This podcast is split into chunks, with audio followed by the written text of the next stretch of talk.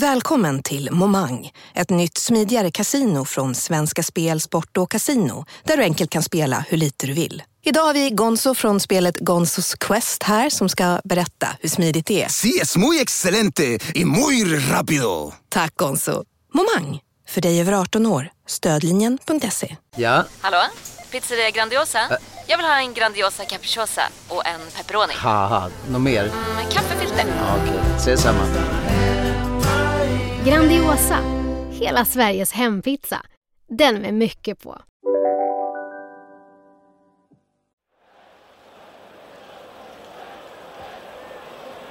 Tassotti è libero a centro area ed è proprio Tassotti che tenta il colpo di testa, Schuster, poi Colombo con questo recupero all'indietro sul quale si porta prontamente Costa Curta, molto attento anch'egli. Parte il suo lancio preciso su Rijkaard, Donadoni, Donadoni per Colombo, batte subito Colombo, colpisce al volto Gallego, angolo. calibra il suo cross il colpo di testa di Rijkaard del 2-0 2-0 per il Milan grande stacco di e sono due rivediamo Tassotti morbido il suo pallonetto osservate Rijkaard. Grandissimo colpo di testa nulla da fare per Buio 2-0 è un Milan splendido. När Milan skulle ta det sista och det största klivet från att dominera i Italien till att faktiskt bli bäst i Europa, bäst i världen, då hade Sacchi återigen ett krav. En spelare som han ville sätta dit som sista pusselbiten på ungefär samma sätt som han hade haft Ancelotti sommaren innan. Och den här gången så var det ju då Frank Rijkaard. Och honom hade Saki upptäckt när han satt och kollade på videos av Marco van Basten. För han visste att ja, van Basten kommer, jag kommer få honom, men måste lära mig hur han spelar och vad han kan och inte kan. Och då såg han även Frank Rijkaard och tyckte han var ja, minst lika bra, fast på ett annat sätt i en annan del av planen.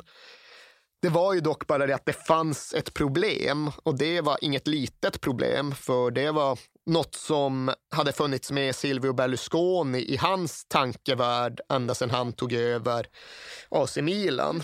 Och det var ju en argentinsk spelare som hette Claudio Borghi. Attenzione alla finta, il tiro al volo di Borghi, rete stupenda!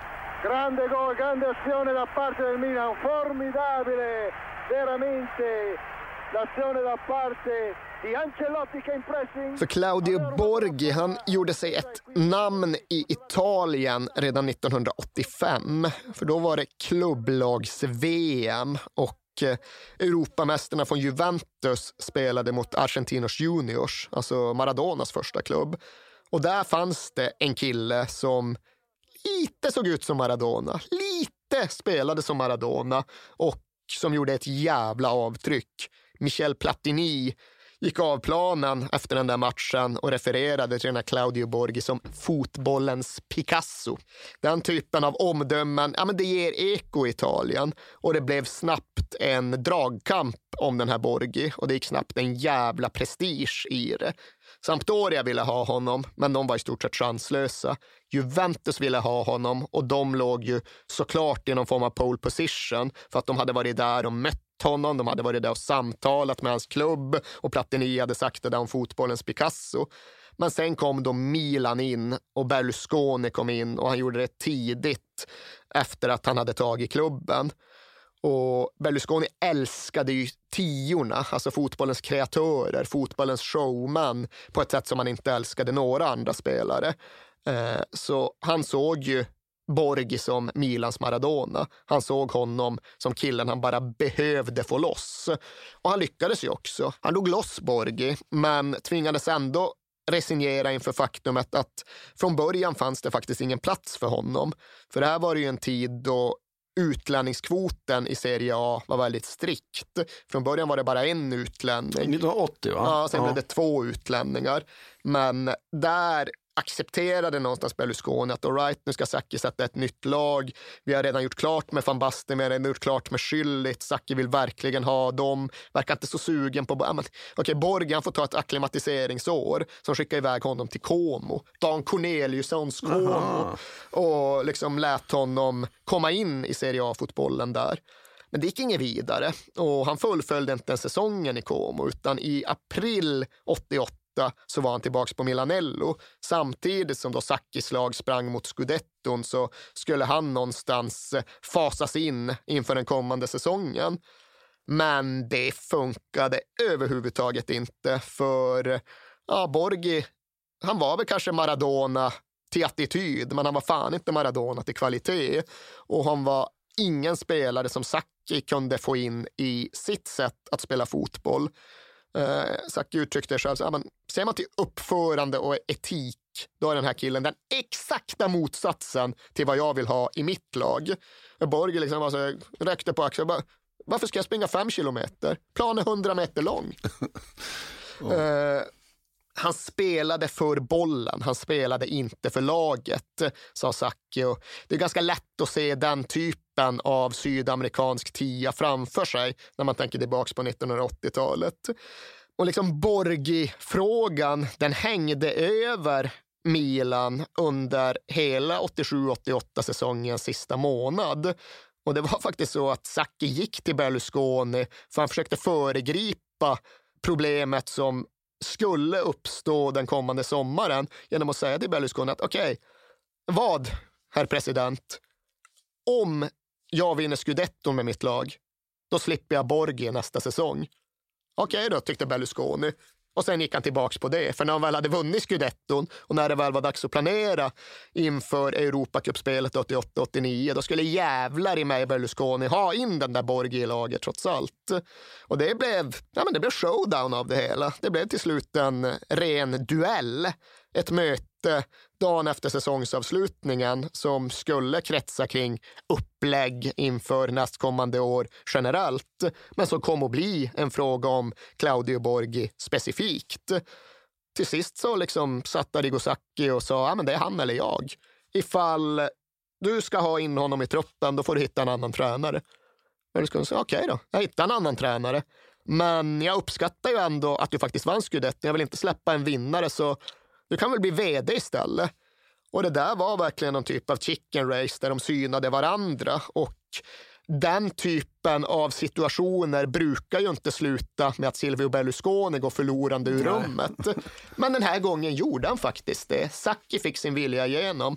Okej, vi skiter i Borgi. Du får istället ta in en tredje utlänning nu när kvoterna öppnar upp sig lite grann. Du får ta in den spelare du vill ha. Och det var ju då Frank Rijkaard.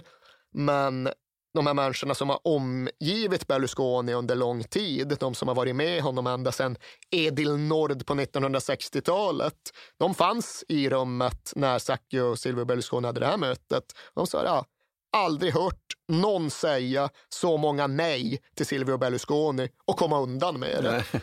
Så det var helt avgörande och det innebar ju att Saki fick sin sista pusselbit, det han själv kände att han behövde för att bli bäst i världen. Och det var ju en Frank Rijkaard som då faktiskt eh, tillhörde Sporting Lissabon. Var en märklig historia. Han hade lämnat Holland och spelat i både Zaragoza och Sporting Club från Portugal. Och Schullit och Rekad var ju kompisar från barndomen också i Amsterdam. De spelade eh, kompisfotboll på gatorna och spelade även i samma lag. Så att Schullit hade nog legat på en hel del för att han ville ha in Rijkaard i, i Milan. Ja, nej, men det fanns ju en kemi mellan de här tre holländarna. Både då för att de hade spelat ihop på gatorna när de var små, för att de i någon mån i alla fall hade spelat tillsammans i klubblaget och för att de var fostrade, utbildade, tänkte fotboll på ungefär samma sätt. Men det var inte så att slaget var vunnet helt och fullt bara för att Sacchi och Berlusconi hade kommit överens, utan de skulle ju även ha loss Frank Rijkaard från Sporting. Och det var inte helt enkelt. Det blev till sist så att när Milans delegation med Galliani och Braida hade åkt till Lissabon, hade kommit överens med Sporting-representanterna i förhandlingen, så avbryts allt av att eh, det stormar in Sporting Ultras i sammanträdesrummet. De har liksom brutit sig in och börjat slåss med Sportingledarna. Och då drar ju Galliano och Braida. De låser in sig på toaletten. Och liksom, vad fan gör vi nu liksom? Och det slutar med att de sitter på toaletten tills allt har lugnat ner sig. de inser att helt lugnt är det ändå inte för den sakens skull. Så de knölar ner det underskrivna Frank Rijkaard-kontraktet i kalsongerna för att på så sätt kunna komma ut genom skogen av aggressiva Sporting Ultras. Ja, men, nej, men vi har ju liksom, för, alltså, det, det vi ska bara härifrån nu. Liksom. Ja. Så går de därifrån med Rijkaard-kontraktet i kalsongerna.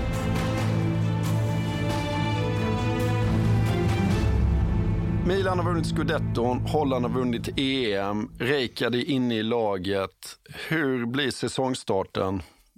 Välplanerad såklart. Eh, som du säger, lagbygget, ja, men det är på plats nu. Liksom. Han har allt han kan begära. Han gör ju också ett eh, försäsongsupplägg som innebär att Arigosakis Milan liksom vänjer sig vid att spela Europacupfotboll.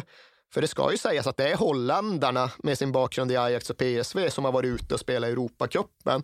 Inga av de italienska spelarna har varit det.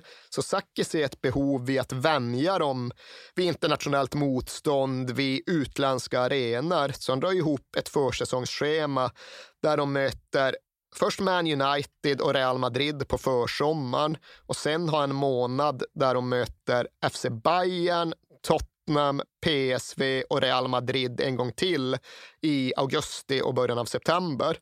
Och det de gjorde det var ju att de vann alla de här matcherna mot alla de här högkaratiga motståndarna. Den sista matchen i liksom förberedelsefasen, det var Real Madrid på Bernabéu 1 september och den vinner de med 3-0. Så där känner ju både Sacchi och alla andra att mm, mm, Visst, det är försäsong. Visst, de går kanske inte på 110, men vi kommer inte vara jättelångt borta. Eh, och det är ju en säsong som absolut är upplagd utifrån drömmen om att prestera i Europa. Rent konkret är det också en säsong som börjar med Europacupspel, för det är sommar-OS i Seoul sent på sommaren. Och det har konsekvensen att italienska ligan börjar sent. Den börjar först i september och den börjar först efter att AC Milan har gått in i Europacupen. Och för unga lyssnare ska vi väl säga att Europacupen då, ja men det är det Champions League, det är mästarcupen. Ja. Ja, och vilka möter de i första rundan? Är det Levski? Ja, det är ju inte det, Nej. även om du har rätt i sak. Det är ju bisarrt nog Vitosha Sofia.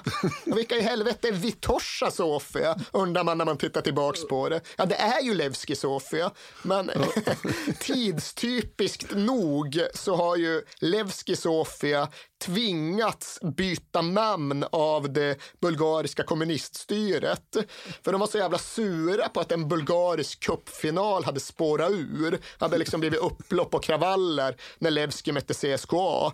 Så de, ja, jag kan inte säga att de upplöste båda klubbarna, men de tyckte att de hade smutsat ner Bulgariens rykte i världen. Så de tvingade båda klubbarna att döpa om sig själva.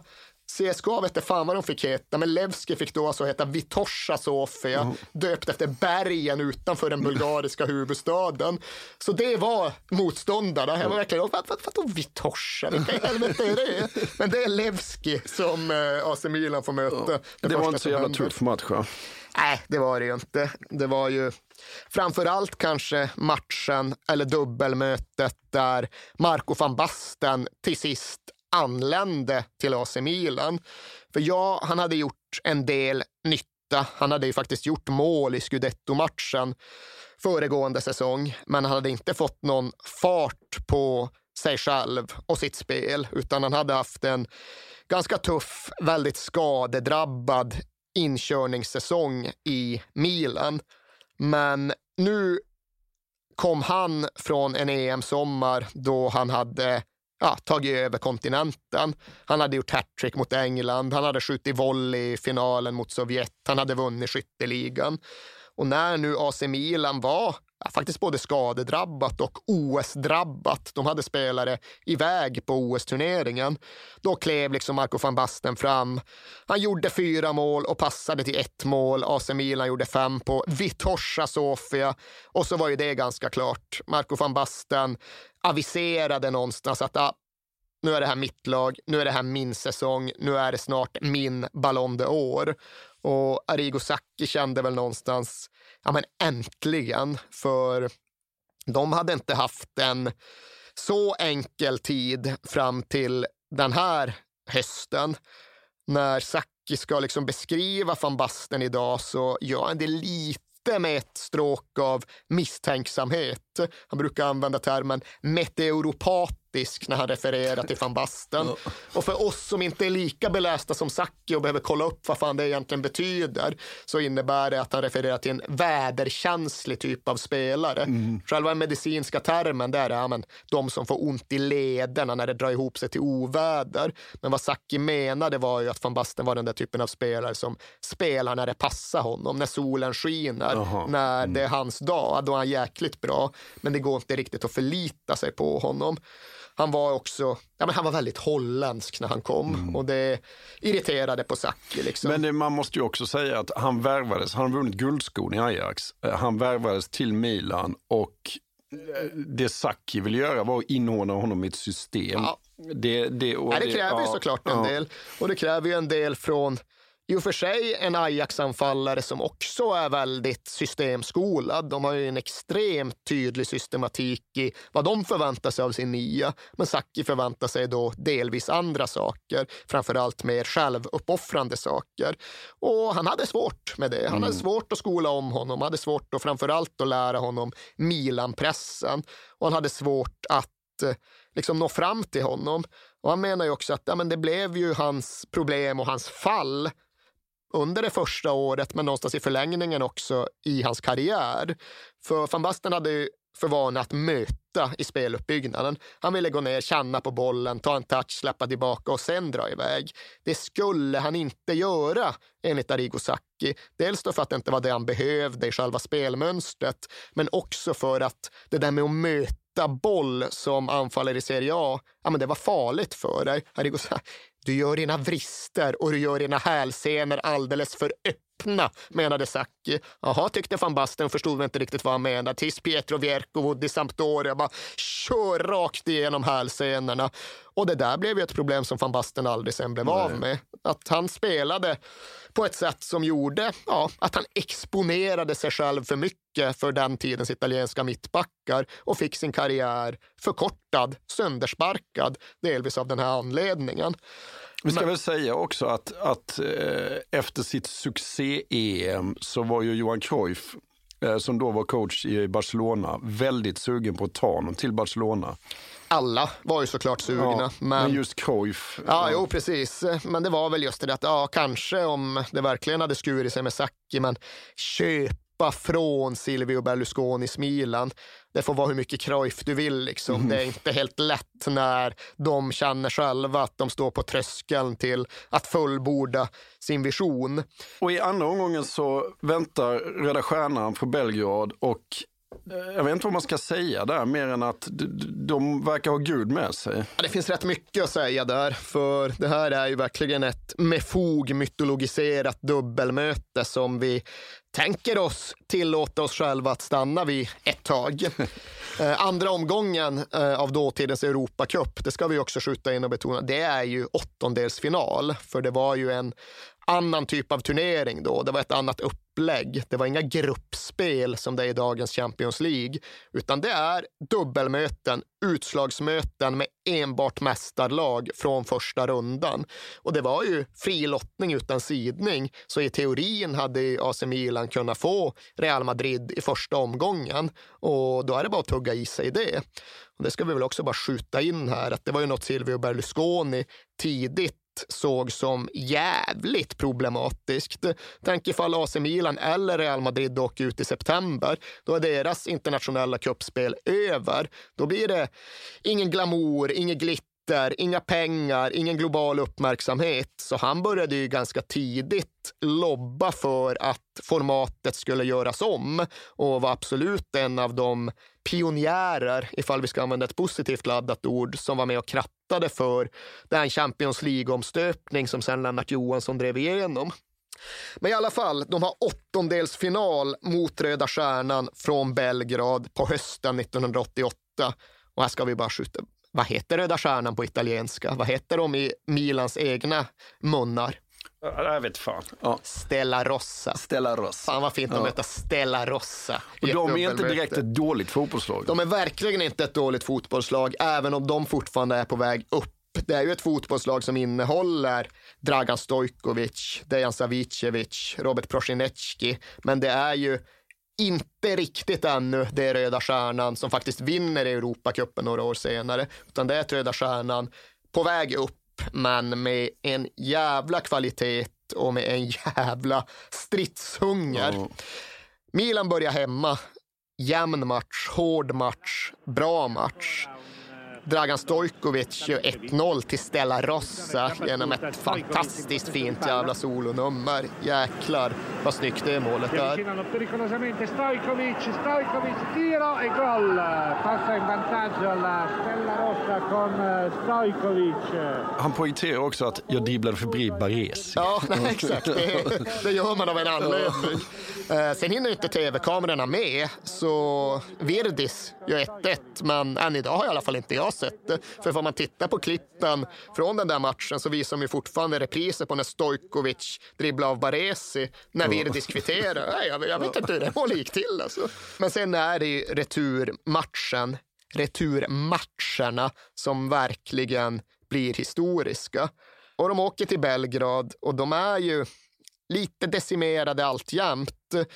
Rudskylligt får ju inte alls samma säsong 88-89 som han hade 87-88. Nu är det han som är den skadedrabbade holländaren. Och det är ju ett problem såklart eftersom att Sacchi och lagkamraterna inte bara ser honom som den bästa spelaren utan också som den viktigaste spelaren, ledarfiguren. Så inför det här första mötet så liksom kör en småskadad ordskyldigt eh, tester i hotellkorridoren där i Belgrad. Liksom ju ruschar genom korridoren. Äh, Håller inte det. Ja, men testa vända med bollrod. Äh, känns sådär. Från bara en timme till en annan så tar de ju beslutet att flyga ner hans personliga fysioterapeut från Holland. Så det kommer en medicinman nedflygande dagen före match för att försöka liksom knacka kotor på rodskyllet. För att alla känner Röda Stjärnan, Maracana i Belgrad. Vi behöver ha indianhövdingen med oss. Ut med honom i någon park där på matchdagens morgon, nya tester. Nej, känns än hur mycket fysioterapeut det än är från Holland. Skyllet är inte spelklar. Milan går ut och får det tufft. Milan går ut och får det riktigt tufft. Röda Stjärnan påhejade av sin hemmapublik med allt vad det innebar i slutet av 1980-talet. De eh, tar ju initiativet. Inte på så sätt att de spelar offensivt, men på så sätt att de gör det blytunga ledningsmålet. Eh, Dejan Savicevic drar dit en fin vänster i Gallis bortre gavel.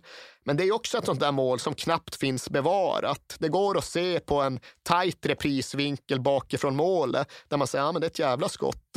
Men majoriteten av, are- av åskådarna på arenan ser ju inte målet. För i det här läget, i början av andra halvlek av returen, så drar dimman in över Belgrad. Och liksom den dimman är så tjock och så tät så att ja, det blir verkligen så att folk som är på arenan inte ser matchen. Dragan Stojkovic har beskrivit det som att ja, men först såg jag inte läktaren och sen såg jag inte straffområdet. Sen såg jag inte målburen och till sist såg jag inte bollen. Och de som satt på Milans bänk, Sacchi och de andra, de, liksom, de såg inte när Savicevic gjorde mål. Eh, de hörde ett jubel som kom från bara en sektion av arenan. Sen när de så kom över och sa ah, men det är 1-0 till Stella Rossa. Jaha, okej, vad fan. Ja, men det här går ju inte. Och de liksom ligger på och liksom, de måste ju avbryta matchen. Och det går ett tag till och sen inser domarna, ja, men, ja visst det måste jag, för han ser ju inte heller vilka spelare som är runt omkring honom. Så matchen är avbruten, alla troppar tillbaka in i omklädningsrummet och då kommer Sacchi dit, vad fan, här står Virdis redan fullt ombytt och klar. Vad va, va, är det här? Ja, men jag blev utvisad för en kvart sedan. På fullaste allvar. Sacchi har ingen aning om detta. Han har ingen aning om detta, menar han själv. Förrän han ser en ombytt, duschad och klar Virdis stå i omklädningsrummet. Men allt det här sammanvägt det innebär ju i alla fall att med typ en halvtimme kvar så låg Milan under med en boll. De hade en man utvisad och de var trötta och de var skadedrabbade och de var ju verkligen mer eller mindre utslagna. Det som istället händer, det är ju att matchen nollas när den sen ska spelas om dagen efter. Visst, Virdis får inte spela för att han blir avstängd. Det är tydligen giltigt av någon anledning. Däremot får AC Milan ställa upp med 11 man och matchen börjar från 0-0 och de ska spela 90 minuter. Ja, och det har Savicevic sagt i efterhand att de var helt chockade i omklädningsrummet att deras tränare gick med på detta. Det är ju inte klokt. Jag vet inte ifall det var just en förhandlingsfråga eller om det inte fanns ett tydligt regelverk, men det är ju ett justitiemord. Ja, det går ju liksom inte att komma för, ifrån. För, för det han sa var ju att de var ju så fysiskt otroliga Milan. Nej, men Arrigo Sacchi, han sa i sitt omklädningsrum till sina spel att okej, okay, nu har vi fått ett extra liv här. Det är verkligen så att det ni är, det här laget, det är att ni är den här killen som går fram mot ett järnvägsspår för att gå över det, men istället snubblar på rälsen och märker att ett tåg kommer skenande mot er. Men sen inser fem sekunder senare att jävlar, tåget bara blåste förbi ovanför oss och vi låg exakt i rätt läge på rälsen för att komma undan oskadda och kan visslande gå vidare i livet som om inget hade hänt. Ni var dödsdömda, men nu är ni oskadda och nu har ni en andra chans. Och Rodskyldigt, han garvade ju mest, men han var inte så bekymrad av sig. Han bara, dimman. Berlusconi som fixar den med sin cigarr. Han blåste så jävla mycket så att han löste det här presidenten en gång till. Men nu gick ytterligare ett dygn och det innebar ju förutom allt annat positivt för Milan, allt annat negativt för Röda Stjärnan, att Rod Schüllit och hans personliga fysioterapeut från Holland faktiskt fick honom, inte helt startklar, men i alla fall spelduglig. Han fanns tillgänglig i omspelsmatchen som det ju blir frågan om. Och den eh där tar de sig vidare efter ja, mycket men, bök. Va? Ja, exakt. Mycket bök får vi lov att hänga ja. kvar vid, för även det är ju en jävla klassiker. Extremt sevärd match. Återigen, jämn, hård, tight match. Stjärnorna kliver fram. Först är Marco van Basten som nickar in 1-0 till AC Milan. Okej, överläge. Men sen Dejan Savicevic hittar en jävla otrolig öppnande passning till Dragan Stojkovic som dundrar in 1-1 i närmsta krysset och helt lika läge igen. Och det är ju verkligen en det är en hård match. Det är den gamla tidens toppfotboll. Tung plan, fientliga läktare, inte speciellt skyddade stjärnor när det kommer till domarnivån.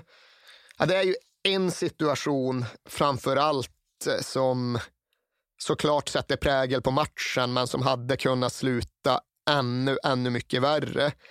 Det är en kollision mellan Roberto Donadoni och en Röda Stjärna-spelare som heter Vasiljevic. Och hur mycket uppsåt som finns där, det vet inte jag. Milan-lägret menar jag, men det är en ren skallning. Det jugoslaviska lägret hävdar ju mer då kollision, men det är i alla fall så att Roberto Donadoni får en så hård smäll att han håller på att dö. Han håller på att dö på planen för han får inte luft. Det är väl det där liksom, svalt tungan är väl termen som används, men luftvägarna är igentäppta. Och där gör ju Röda Stjärnans läkare en otrolig jävla bragdinsats. För ifall jag fattar det här rätt så är det han gör att han fysiskt avsiktligt bryter käken på Donadoni för det är enda sättet han får in luft. Annars så kvävs han där och då liggande på planen. Men han bryter då av käken på honom för att på så sätt frigöra luftvägarna och rädda livet på motståndarspelaren. che l'aveva visto protagonista a Spalato, intanto il Milan è ancora in avanti, il colpo di testa è proprio di Djurovic, quest'altro di Donadoni e poi il gioco è fermo, picchiano i eh, giocatori jugoslavi e vedete che l'autore del fallo Vasiljevic, già ammonito, è a terra assieme a Donadoni. E ora purtroppo viene fatta entrare in campo la Barella, sono a terra Vasiljevic e Donadoni. Men det är klart att det är helt horribla scener som är, det är oerhört otäckt och spelarna påverkas ju jättekraftfullt. I alla fall de som befinner sig närmast situationen. Marco van Basten ska gå ut gråtande till bänken och bara säga men jag vill inte spela mer. det gör han ändå på något sätt. Men när spelet väl kommer igång igen så är det klart att allt det här, liksom ovissheten kring vad som har hänt, eh, känslan av att uppleva det, det är rent fysiskt krävande att spela den här matchen en gång till och konstatera att den tickar in i en förlängning där det är ytterligare 30 minuter. Ja, det kräver ju helt otroliga saker. Och Milan var som sagt inte ordinarie ens från början. De hade behövt ställa upp med en kille, en 19-årig grabb som heter Graziano Manari från start. Jugoslavisk stats-tv. De hade inte en aning vem det var, så de refererade till någon helt annan spelare matchen igenom. I förlängningen så var Zacke tvungen att genomföra ett byte till, för det gick inte annars. Och då behövde han sätta in en 17-årig pojke som hette Massimiliano Capellini. Och det var verkligen också så där, ja, men, är det bättre att spela med tio man än att slänga in en grabb i detta? Rodskylligt, han kunde ju egentligen inte fullfölja matchen. Han liksom hade inte fysik för det efter sin skada. Men när de liksom frågade honom, Rod, liksom, ska vi byta ut dig? Måste vi byta ut dig? Han bara liksom, ja, fan, om jag ska disponera min säsong, om jag ska välja var jag lägger mina krafter, ifall jag ska bara plocka ut en match jag bidrar till, då är det ju den här. Mm. Om jag inte krigar nu, när ska jag då kriga? Så han spelar klart matchen utan att riktigt veta vad det kommer få för konsekvenser. Han spelar verkligen med sin säsong hängandes där. Mm. Ifall han, hans kropp säger ifrån så då är han förmodligen borta resten av året. Men 1-1 står sig och det ska såklart avgöras på straffar. Och det säger ju sig rätt mycket självt att den straffläggningen mot den backdropen på den arenan, ah, det är inga enkla straffar Nej. att gå framför och skjuta. Men ändå är ju AC Milans ordinarie skyttar rätt bombsäkra. De går upp och liksom slår upp dem högt de första straffarna. Ja, du kommer väl ihåg vem som slår Milans första? Nej, det gör jag faktiskt inte. Kapitan Milana, Franco Baresi. Baresi i Stojanovic. Neodbranjivo. 2-2. Franco Baresi såklart. Ja. Ja. Han slår in den straff som han sen missar med i VM-finalen 94. Han slår den högt också eller? Ja, det är klart ja. han gör. Det är klart han gör. Van Basten är ju också säker såklart. Uh, Evani, den mångsidiga, också säker. Men även om Stojkovic och Prosinecki gör sitt så missar ju Dejan Savicevic. Alltså av alla, ja. ja. av alla, men det är ju en svag straff. Det är ju en nervstraff, framstår det som. För när han går, man förväntar sig att ja, men, han placerar väl in den. Förmodligen så lirkar han väl upp den ena krysset bara för att den är på säker. Men han daskar ju bara till. Mm. Lågt, mitt på målet, mm. rakt på benen på Galli. Så där får ju Milan övertaget. Och sen gör Galli en till riktigt fin räddning nere vid stolpen. Och till sist kan då Frank Rijkaard gå fram och slå den avgörande straffen. Sacchi kan inte titta, vänder sig om, tittar bort. Och nu är det ju tyst på Maracana. Nu är det ju 120 000, eller vad det nu är, som vet att de är en spark ifrån förlust. Och det Sacchi hör, det är inte publiken. Det är ingenting annat än en boll som slår i stolpen. Dunk! Helvete. För det Sacchi också vet, att eftersom att han inte har några straffskyttar utöver de här etablerade stjärnorna, då har han ju satt femte straffen på den här 17-åringen Massimiliano Capellini. Riktigt varför vet jag inte, men Sacchi upplevde att han är soft. Capellini är soft liksom. Du tar fjärde Capellini. Ja, han tyckte det verkar inte vara något problem. En minut senare kommer Reikard fram. Du, alltså den här han kan inte skjuta, han står ju bara och skakar liksom. Han kan inte skjuta. Okej, okej, vi får försöka hålla honom borta och sätta honom på sista straffen har vi förhoppningsvis avgjort då. Och det har de. I sada lopti prilazi Franklin Rijkaard. Ako Rijkaard pogodi mrežu Crvene zvezde, sve je gotovo. Futbalska drama Crvena zvezda Milano ovog časa je završena. Milano je u četvrtfinalu... För straff tar ju stolpen, ljudet och går in i mål. Och Sacchi kan vända sig om och konstatera faktum. Bollen är inne, de har vunnit ja, en av de mest dramatiska Europacupmatcher som har spelats. Och de har ju fått betala priset. Det är liksom flera från Milan-delegationen som efteråt vittnar om att de har fått i ansiktet. Och de påstår att någon har släppt en polishund på Costa Curta. och de är ju bevisligen ett läge där Roberto Donadoni befinner sig på sjukhuset. Men han är tydligen i samma sjukhusrum som någon serb som av oklar anledning fallit från tredje våningen.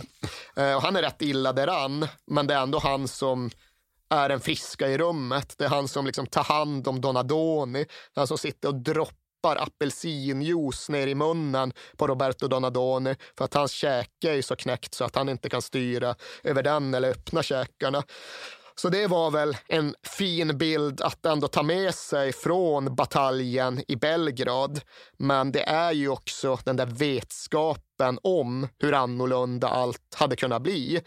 Förmodligen hade de ju bara förlorat och åkt hem ifall inte den där dimman hade dragit in. Och Dragan Stojkovic tillhör ju en av alla de Röda Stjärnan-spelare som har tittat tillbaks på det där och liksom, ja, känt sin egen ånger men också just konstaterat det att ja, det riktigt stora Milan, världserövra Milan, det var ett lag som föddes i Belgrads dimma.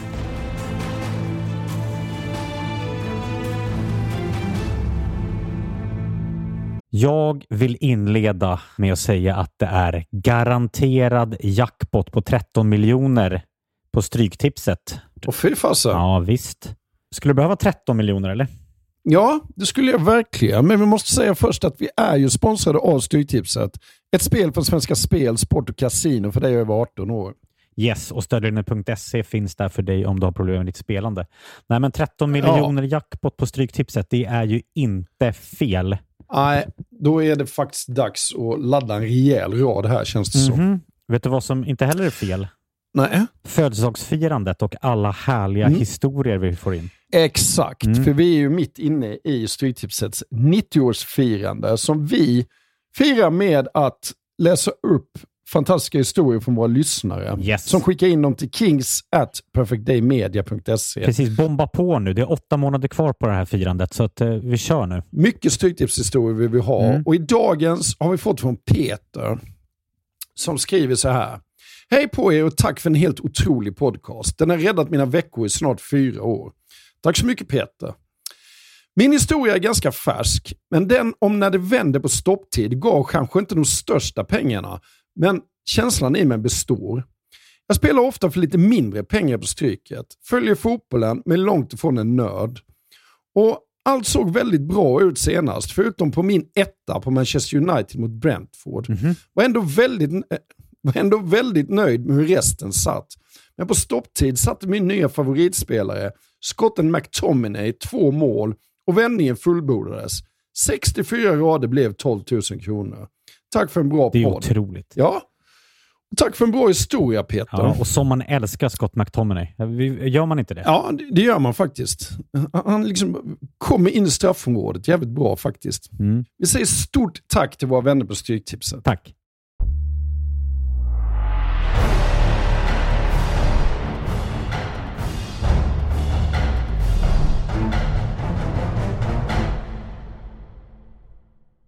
Om vi kollar på ligan 88-89 så är ju den sannerligen ingen, det, det, det, är ingen dålig liga ser jag det året. Eh, Inter har värvat sina, sin tyska, tyska trio och Napoli ångar på. Och Milan?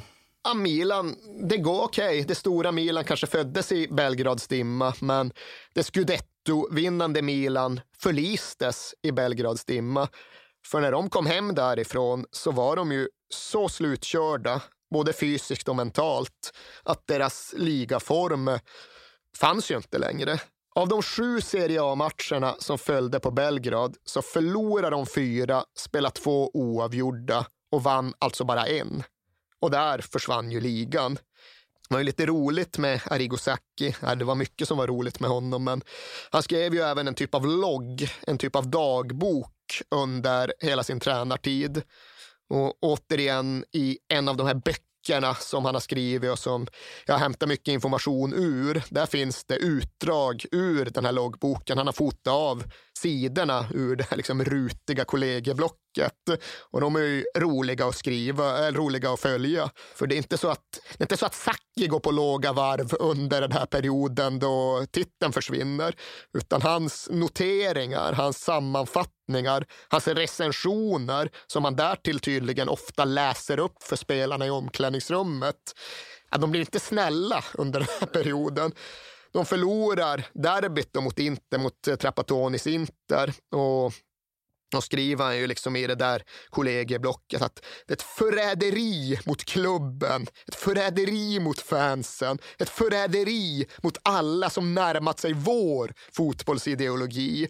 För Trapattoni som ledde Inter, han var ju en gammeldags eh, italiensk fotbollstränare. Han, Gammal Juventus-coach va? Ja, ja. var han inte coach ja. på att säga. Men det var lite kul för de delade ju då som nu på arenan och varje gång Inter spelade hemma. Så då försökte tydligen då Trapattoni göra planen så lite som möjligt för att det skulle bli lättare för Inter att bara liksom stänga ner försvaret. Och varje gång Milan spelade hemma, då blåste de upp linjerna för att de skulle kunna liksom hitta ytor för sitt eh, offensiva omställningsspel det var någon San Siro-delegat som kom dit, eller någon Uefa-delegat som kom dit och liksom, vad fan, varför är det liksom parallella linjer på den här arenan? Det finns liksom ett linjepar som ligger fyra meter innanför det andra. Vad handlar det om? Ja, det handlar i grund och botten bara om det kulturella fotbollskrig som rådde i Italien vid den här perioden. Det krig som Sacchi vann i stort men som han förlorade under de här vintermånaderna 88 när de föll mot Inter. När de till slut även föll mot Cesena, för det är väl en sak att förlora mot Trapatonis Inter, men förlora mot Cesena det gjorde inte Sacchi nöjdare direkt i sin loggbok. Varför är det en svensk som gjorde segermålet i den matchen? Vad har du där? Cetsena, vad fan har vi där? Don Corneliusson Como, nej. Hasse Holmqvist. Hasse Holmqvist, Hasse Holmqvist ja. gjorde segermålet. Mm. Och Sacchi mullrade på i sin dagbok. Skulle vi vara mästare? Vi är mästare av självförhävelse, belåtenhet, ytlighet, lathet. Det är liksom, man, kan verkligen, man kan se hur han sliter det hår han aldrig hade när man läser den där dagboken som han själv förde. Men alltså Berlusconi under den här tiden, jag menar, eh, han kan ju inte varit speciellt nöjd. Eller var han så inriktad på att vi är ändå vidare i Europa? Ja, det var Europacupen. Ja. Det var verkligen Europacupen som gällde. Men det gällde ju också. Det är ju liksom inte så att ifall man lite halvt försaka ligan komma undan med att åka ur mot Werder Bremen i kvartsfinalen. Så hela ekvationen krävde ju att Milan faktiskt gick hela vägen i Europacupen. Och det är klart att Sacchi visste det. Och kvartsfinalen det blev ju inte alls lika spektakulär, lika innehållsrik och minnesvärd som åttondelen mot eh, Röda Stjärnan, men det blev ju ingen enkel passage. För Werder Bremen kanske inte klingar så fotbollsaristokratiskt idag, men de var ju tyska mästare. De var ju då vad Borussia Dortmund är idag, liksom klubben, utmanarklubben mot FC Bayern som förlorar ibland och vinner ibland. Så det var ett riktigt, riktigt starkt lag och det blev 0-0 uppe i Tyskland efter att båda lagen anser sig fått ett mål felaktigt bortdömt. Och det ska ju också sägas att det märks ju när man går igenom den här Europacupsäsongen att det var en tid före VAR. Milan hävdade till exempel att de hade ett självklart mål som de bara fuskade bort och för dem nere i Belgrad. En boll som var så tre meter över mållinjen, mm. men de ändå bara spelade vidare på. De hävdade att de hade en likadan uppe i Tyskland. Werder Bremen hävdade att de hade ett självklart mål som fuskades bort. Och naturligtvis så avgörs också kvartsfinalmötet på en på en feldömd straff. Tveksam, sägs det bland Milan-folket. Diskutabel. Ja, tyskarna med Rehagel i spetsen, de använder lite andra ord. Oh. Men de får en skämtstraff, van Basten slår in den och de vinner med 1-0. Det var inte enkelt, det var tufft och det var tajt, men det var inte heller särskilt minnesvärt. Så vi drar vidare mot semifinalen. Ja, för den är minnesvärd. Och Nej. här kan man verkligen säga att, liksom att Milan visar vilket lag de har blivit. Ja, det är ju här de verkligen är tillbaka. Inte bara på toppvarv utan på en prestationsnivå de faktiskt inte har varit uppe på tidigare. För nu har liksom säsongsupplägget ändå visat sin kvalitet. Okej, okay, de orkade inte med den inhemska ligan under vintern, men nu är liksom AC Milan där de ska vara. Nu är de uppe i maxprestation och nu spelar de en fotboll som Europa faktiskt aldrig har sett tidigare. Och det får ju Real Madrid smaka på. De börjar hemma på Bernabéu och det är ju inte ett svagt Real Madrid. Det är liksom inte ett Real Madrid som är inne i någon mellanera, utan de är på väg mot sin fjärde raka ligatitel. De har inte förlorat på sig sådär 30 ligamatcher hemma i Spanien och de har ju Hugo Sanchez och Emilio Butragenio, Bernt Schuster och Martin Vasquez, liksom ett bra, mm. bra lag. Men det är nog faktiskt ändå rättvist att, de, att säga att de inte riktigt vet vad som väntar dem.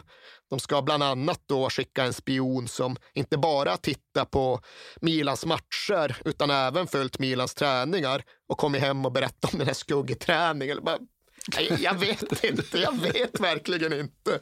Leo Benhacker, numera i Sverige kanske mest känd som någon form av Zlatan-upptäckare, var ju Real Madrids coach vid den här tiden.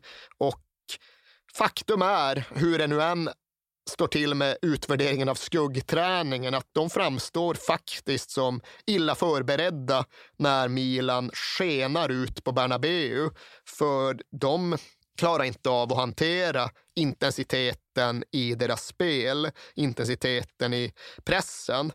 Och okej, okay, Hugo Sanchez stöter in 1-0 efter en hörna, men det är ju falska siffror för eh, Milan är bättre. Milan är klart bättre och det är märkligt att Real Madrid ändå har ledningen så långt in i matchen som de ändå har.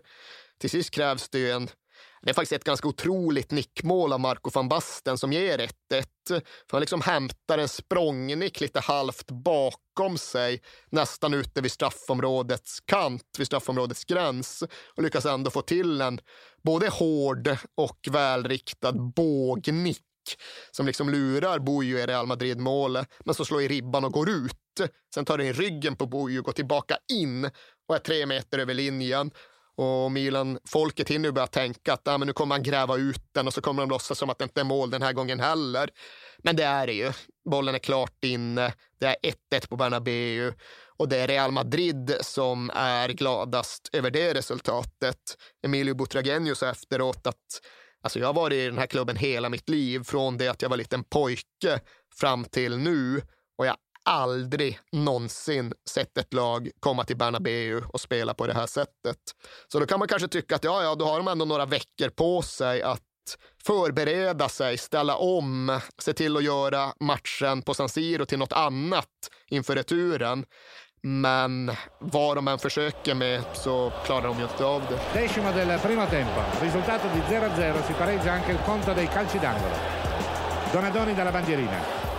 Baresi säger innan den matchen, vi får inte gå ut och försöka spela 0-0. Och det kan man ju lugnt säga att nej, det gör de inte. Det gjorde ju inte Sakis Milan. Det var ju det som var grejen. Det var ju sånt som italienska lag var så fantastiskt skickliga på, det ska ju sägas. Men så det var ju emot allt vad Sacchi predikade och stod för.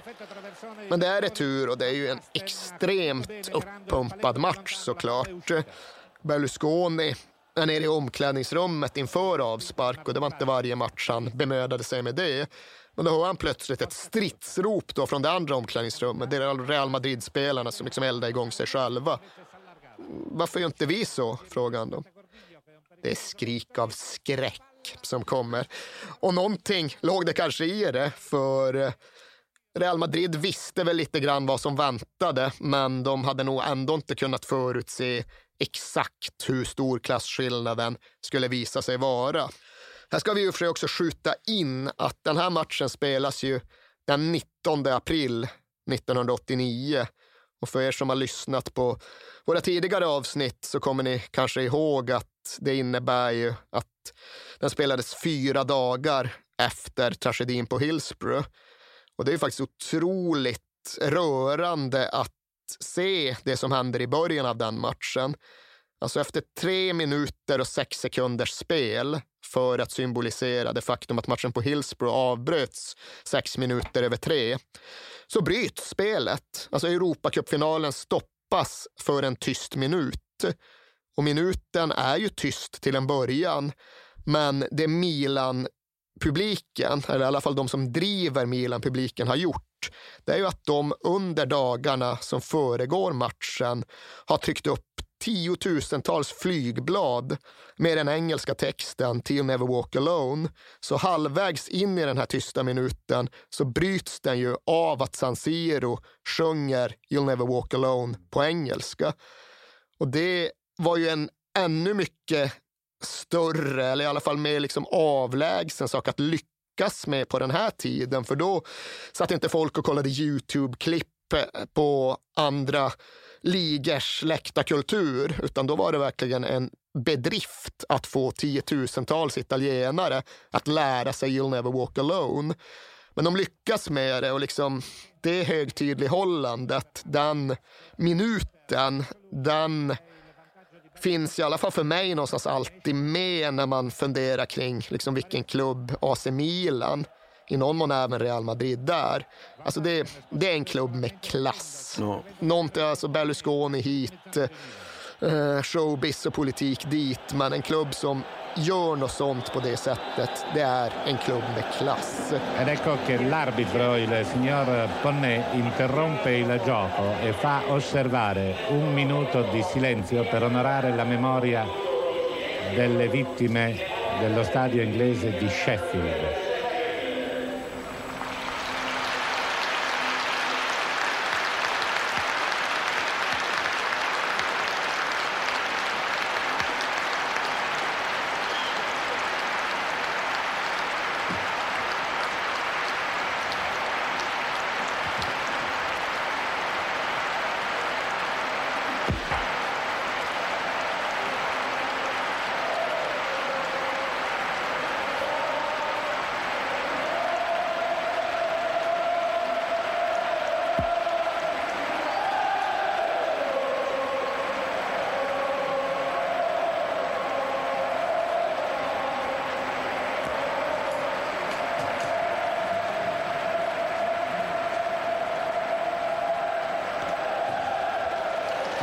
Applauso di commossa partecipazione ha accompagnato questo minuto di raccoglimento. Riprendiamo a Och det är i den här matchen även ett lag med kvalitet.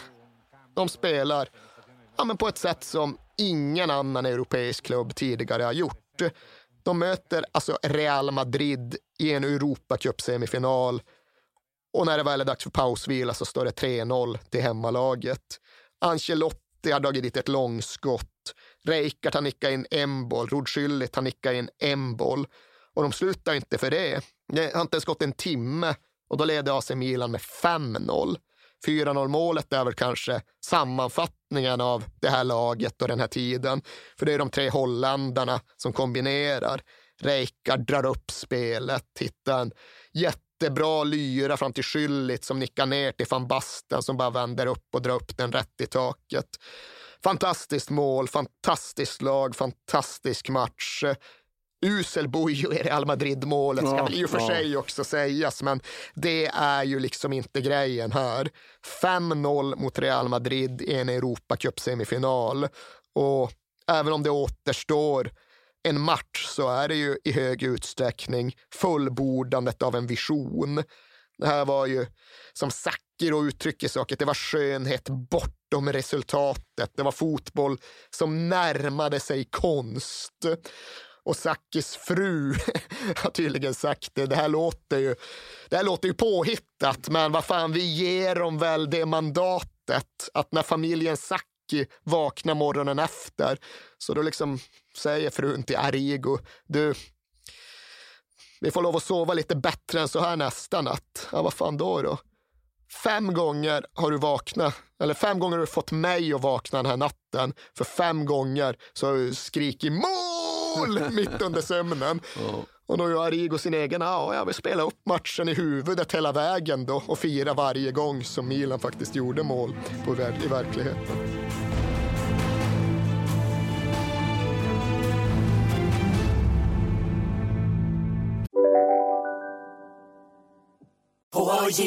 På Sveriges största jackpot-kasino går hypermiljonen på högvarv. Från Malmö i söder till Kiruna i norr har hypermiljonen genererat över 130 miljoner exklusivt till våra spelare. Välkommen in till Sveriges största jackpot-kasino, hyper.com. 18 plus, regler och villkor gäller. Upptäck hyllade XPeng G9 och P7 hos Bilia. Våra produktspecialister hjälper dig att hitta rätt modell för just dig.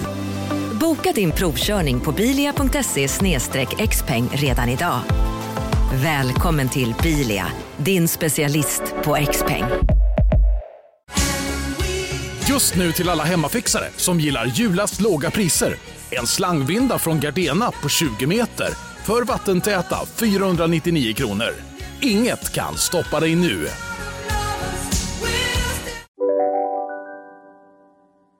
Vi är då framme vid finalen och den ska de spela mot vår, våra kära vänner äh, Steaua Bukarest. Jajamensan. Ja. Och det är ju inte på förhand något självklart utslag i en sån match. Det är inget enkelt motstånd. Steaua har ju vunnit en Europacupfinal och gått till ytterligare en semifinal bara de senaste åren. Så det är ett lag som kommer med både ett rykte och med en meritlista för att backa upp det. Men det är ju därtill ett lag som kommer i stort sett helt utan fans. För fortfarande Ceausescu-tiden, fortfarande den regimen, fortfarande i praktiken ett utreseförbud för dåtidens rumäner. Så ja, de plockar med sig några hundra partifunktionärer. Men sen är liksom Steaua nöjda från sitt håll. Och det innebär ju, right, Camp Nou, på den här tiden nästan 100 000 platser. Ja, det är 300 rumäner där. Sen är det fritt fram. Och det gör ju att den supporterinvasionen som AC Milan genomför till den här finalen, den är ju än idag, så vitt jag vet, inte överträffad eller ens upprepad.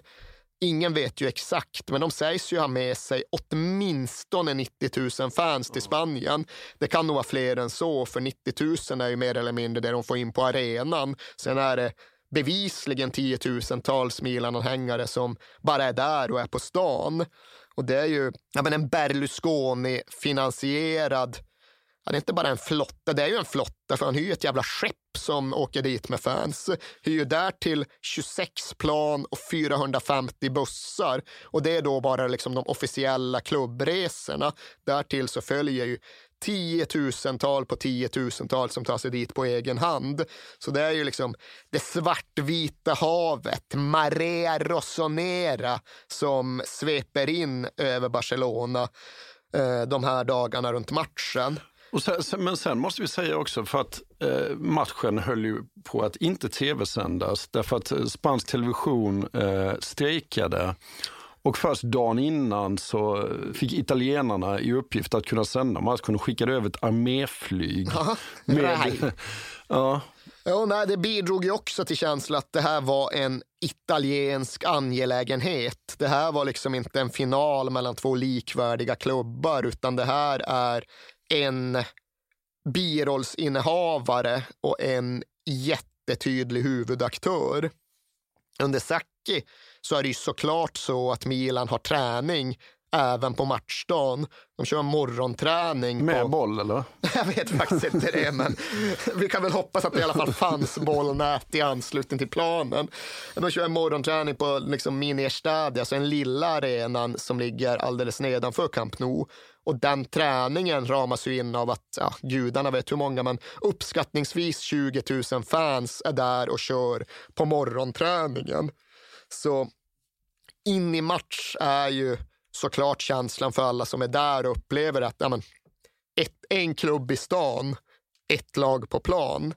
Och så brukar det visserligen aldrig bli i Europacupfinaler. Inte nu, än mindre då.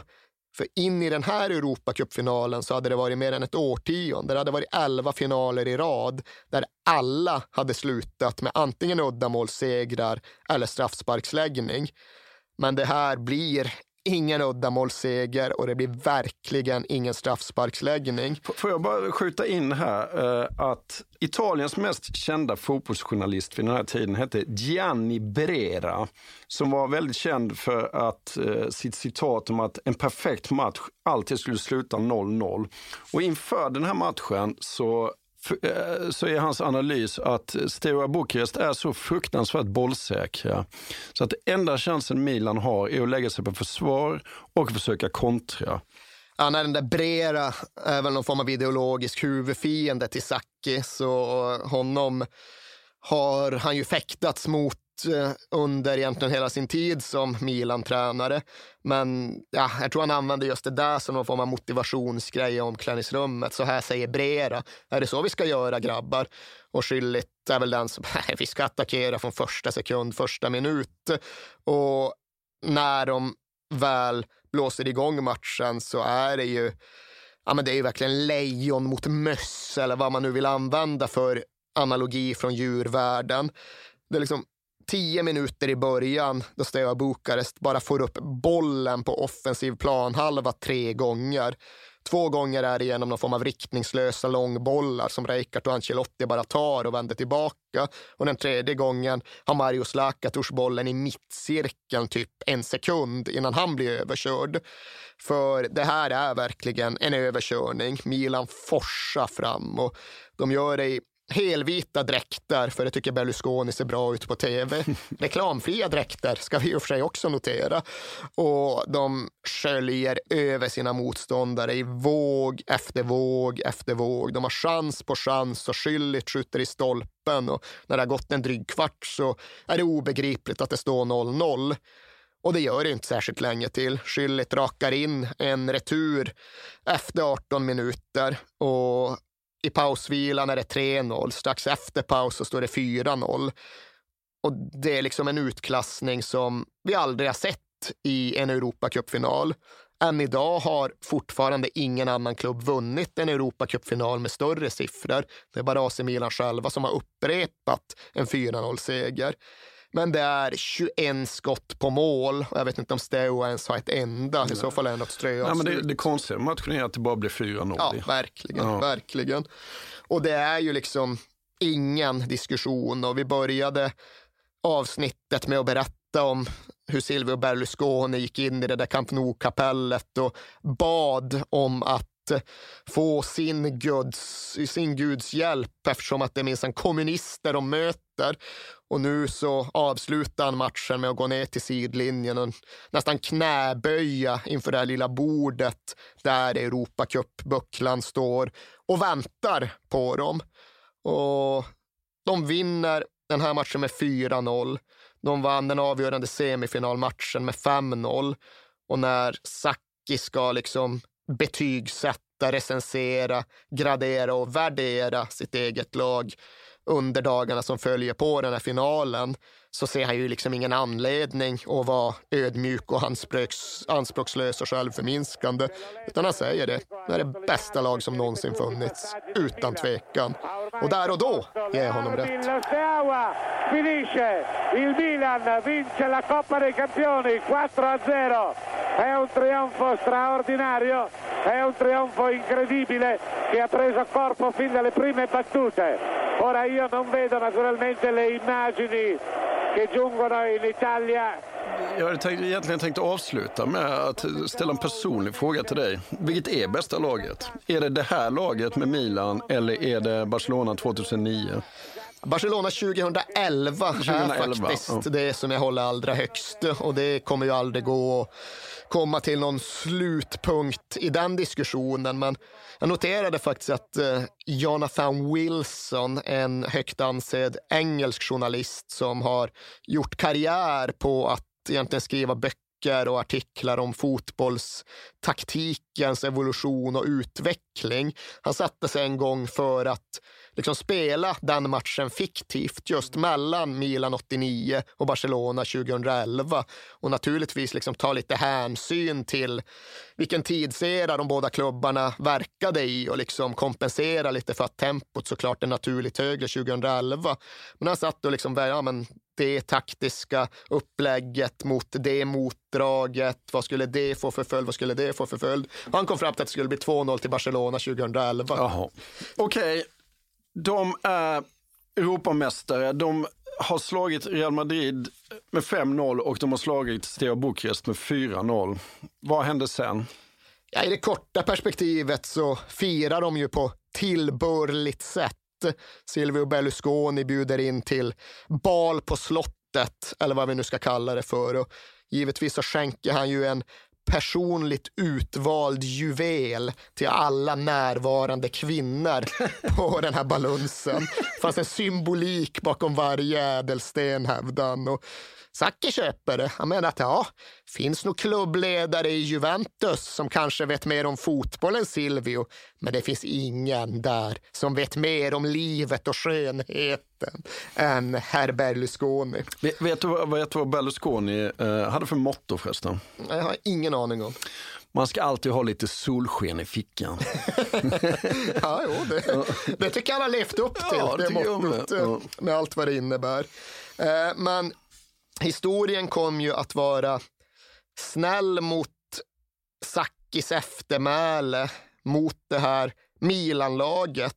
För den delen även mot Silvio Berlusconi som ju i förlängningen och i historiens ljus blev ja, den viktigaste och mest inflytelserika italienaren sedan Mussolini.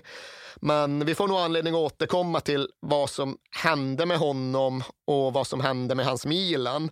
Det Sacchi hamnade i, det var ju att hans egen karriär visserligen nådde till en VM-final med Italien, men ändå aldrig riktigt fick samma resultat igen. Eh, det blev någonstans så att hans arv och hans rykte och hans eftermäle blev större än hans prestationer.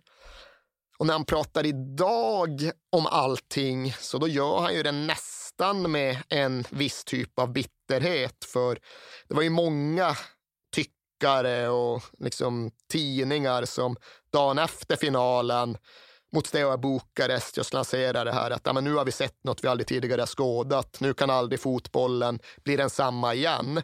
Men Sacchi menar ju att jo, för oss italienare så blev den precis densamma igen. Jag kan ju såklart tycka att det är lite väl hårdraget och överdrivet, men han menar ju att hela världen kopierade AC Milan, Sackis AC Milan, förutom Italien. Alla andra lärde sig, alla andra utvecklades. Vi stod stilla, vi blev omkörda. Vi är tillbaka nu, 30 år senare, eh, på samma punkt som vi var innan jag kom in och förändrade och förbättrade allt. Men det Men det, det, man måste säga som kopierades, eh, som man har rätt i, det är ju liksom det Berlusconi gjorde med, med the brand Milan. Ja, ja nej, men jag tycker väl att allt kopierades. Mm. Från det sättet som Berlusconi just kommersialiserade sin fotbollsklubb på till hur de blev så professionella runt själva laget till hur spelarna och laget faktiskt uppträdde på planen. Visst, allt kopierades och eh, det fanns ju så mycket klokskap och så många visheter och lärdomar att hämta där, så konstigt vore det väl annars. Och även om då Sacchi är bitter för att italiensk fotboll i stort inte ska ha lärt sig som man hoppades, så blev ju hans egen spelargrupp oerhört eh, framgångsrika som lärjungar och predikanter av någon typ av fotbollsbudskap. Sacchi ska tacka för sig en vacker dag genom att säga till sina undersåtar att ja, men nu är det ni som är professorer i fotboll, för nu har ni lärt er allt det här och nu är det upp till er att sprida det vidare. Och absolut, nio spelare som startade finalen 89 blev sedan tränare med i och för sig varierande framgångsgrad, men det var ju en handfull som blev förbundskaptener. Det var liksom både Donadoni och van Basten och Rijkaard. Mm. Det var i alla fall ett par som vann Champions League.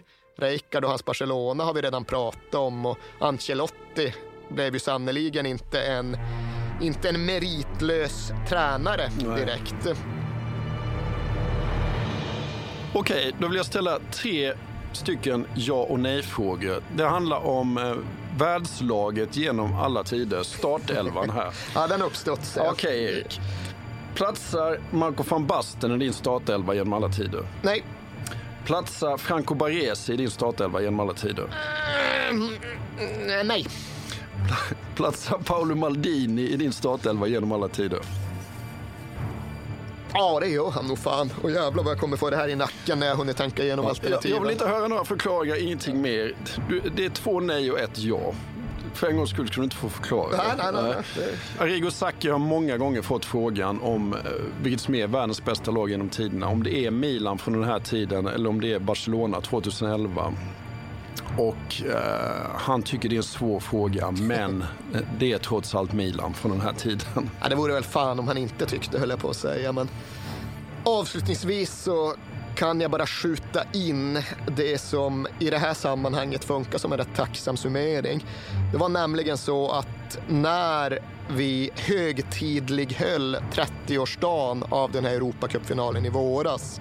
Då sände italienska Sky en helt svit av dokumentärer om det här Milanlaget. Vet du vad liksom paraplynamnet var för den dokumentärsamlingen? Nej. Det var på italienska Quando diventamo re, vilket då på svenska betyder när vi blev kungar.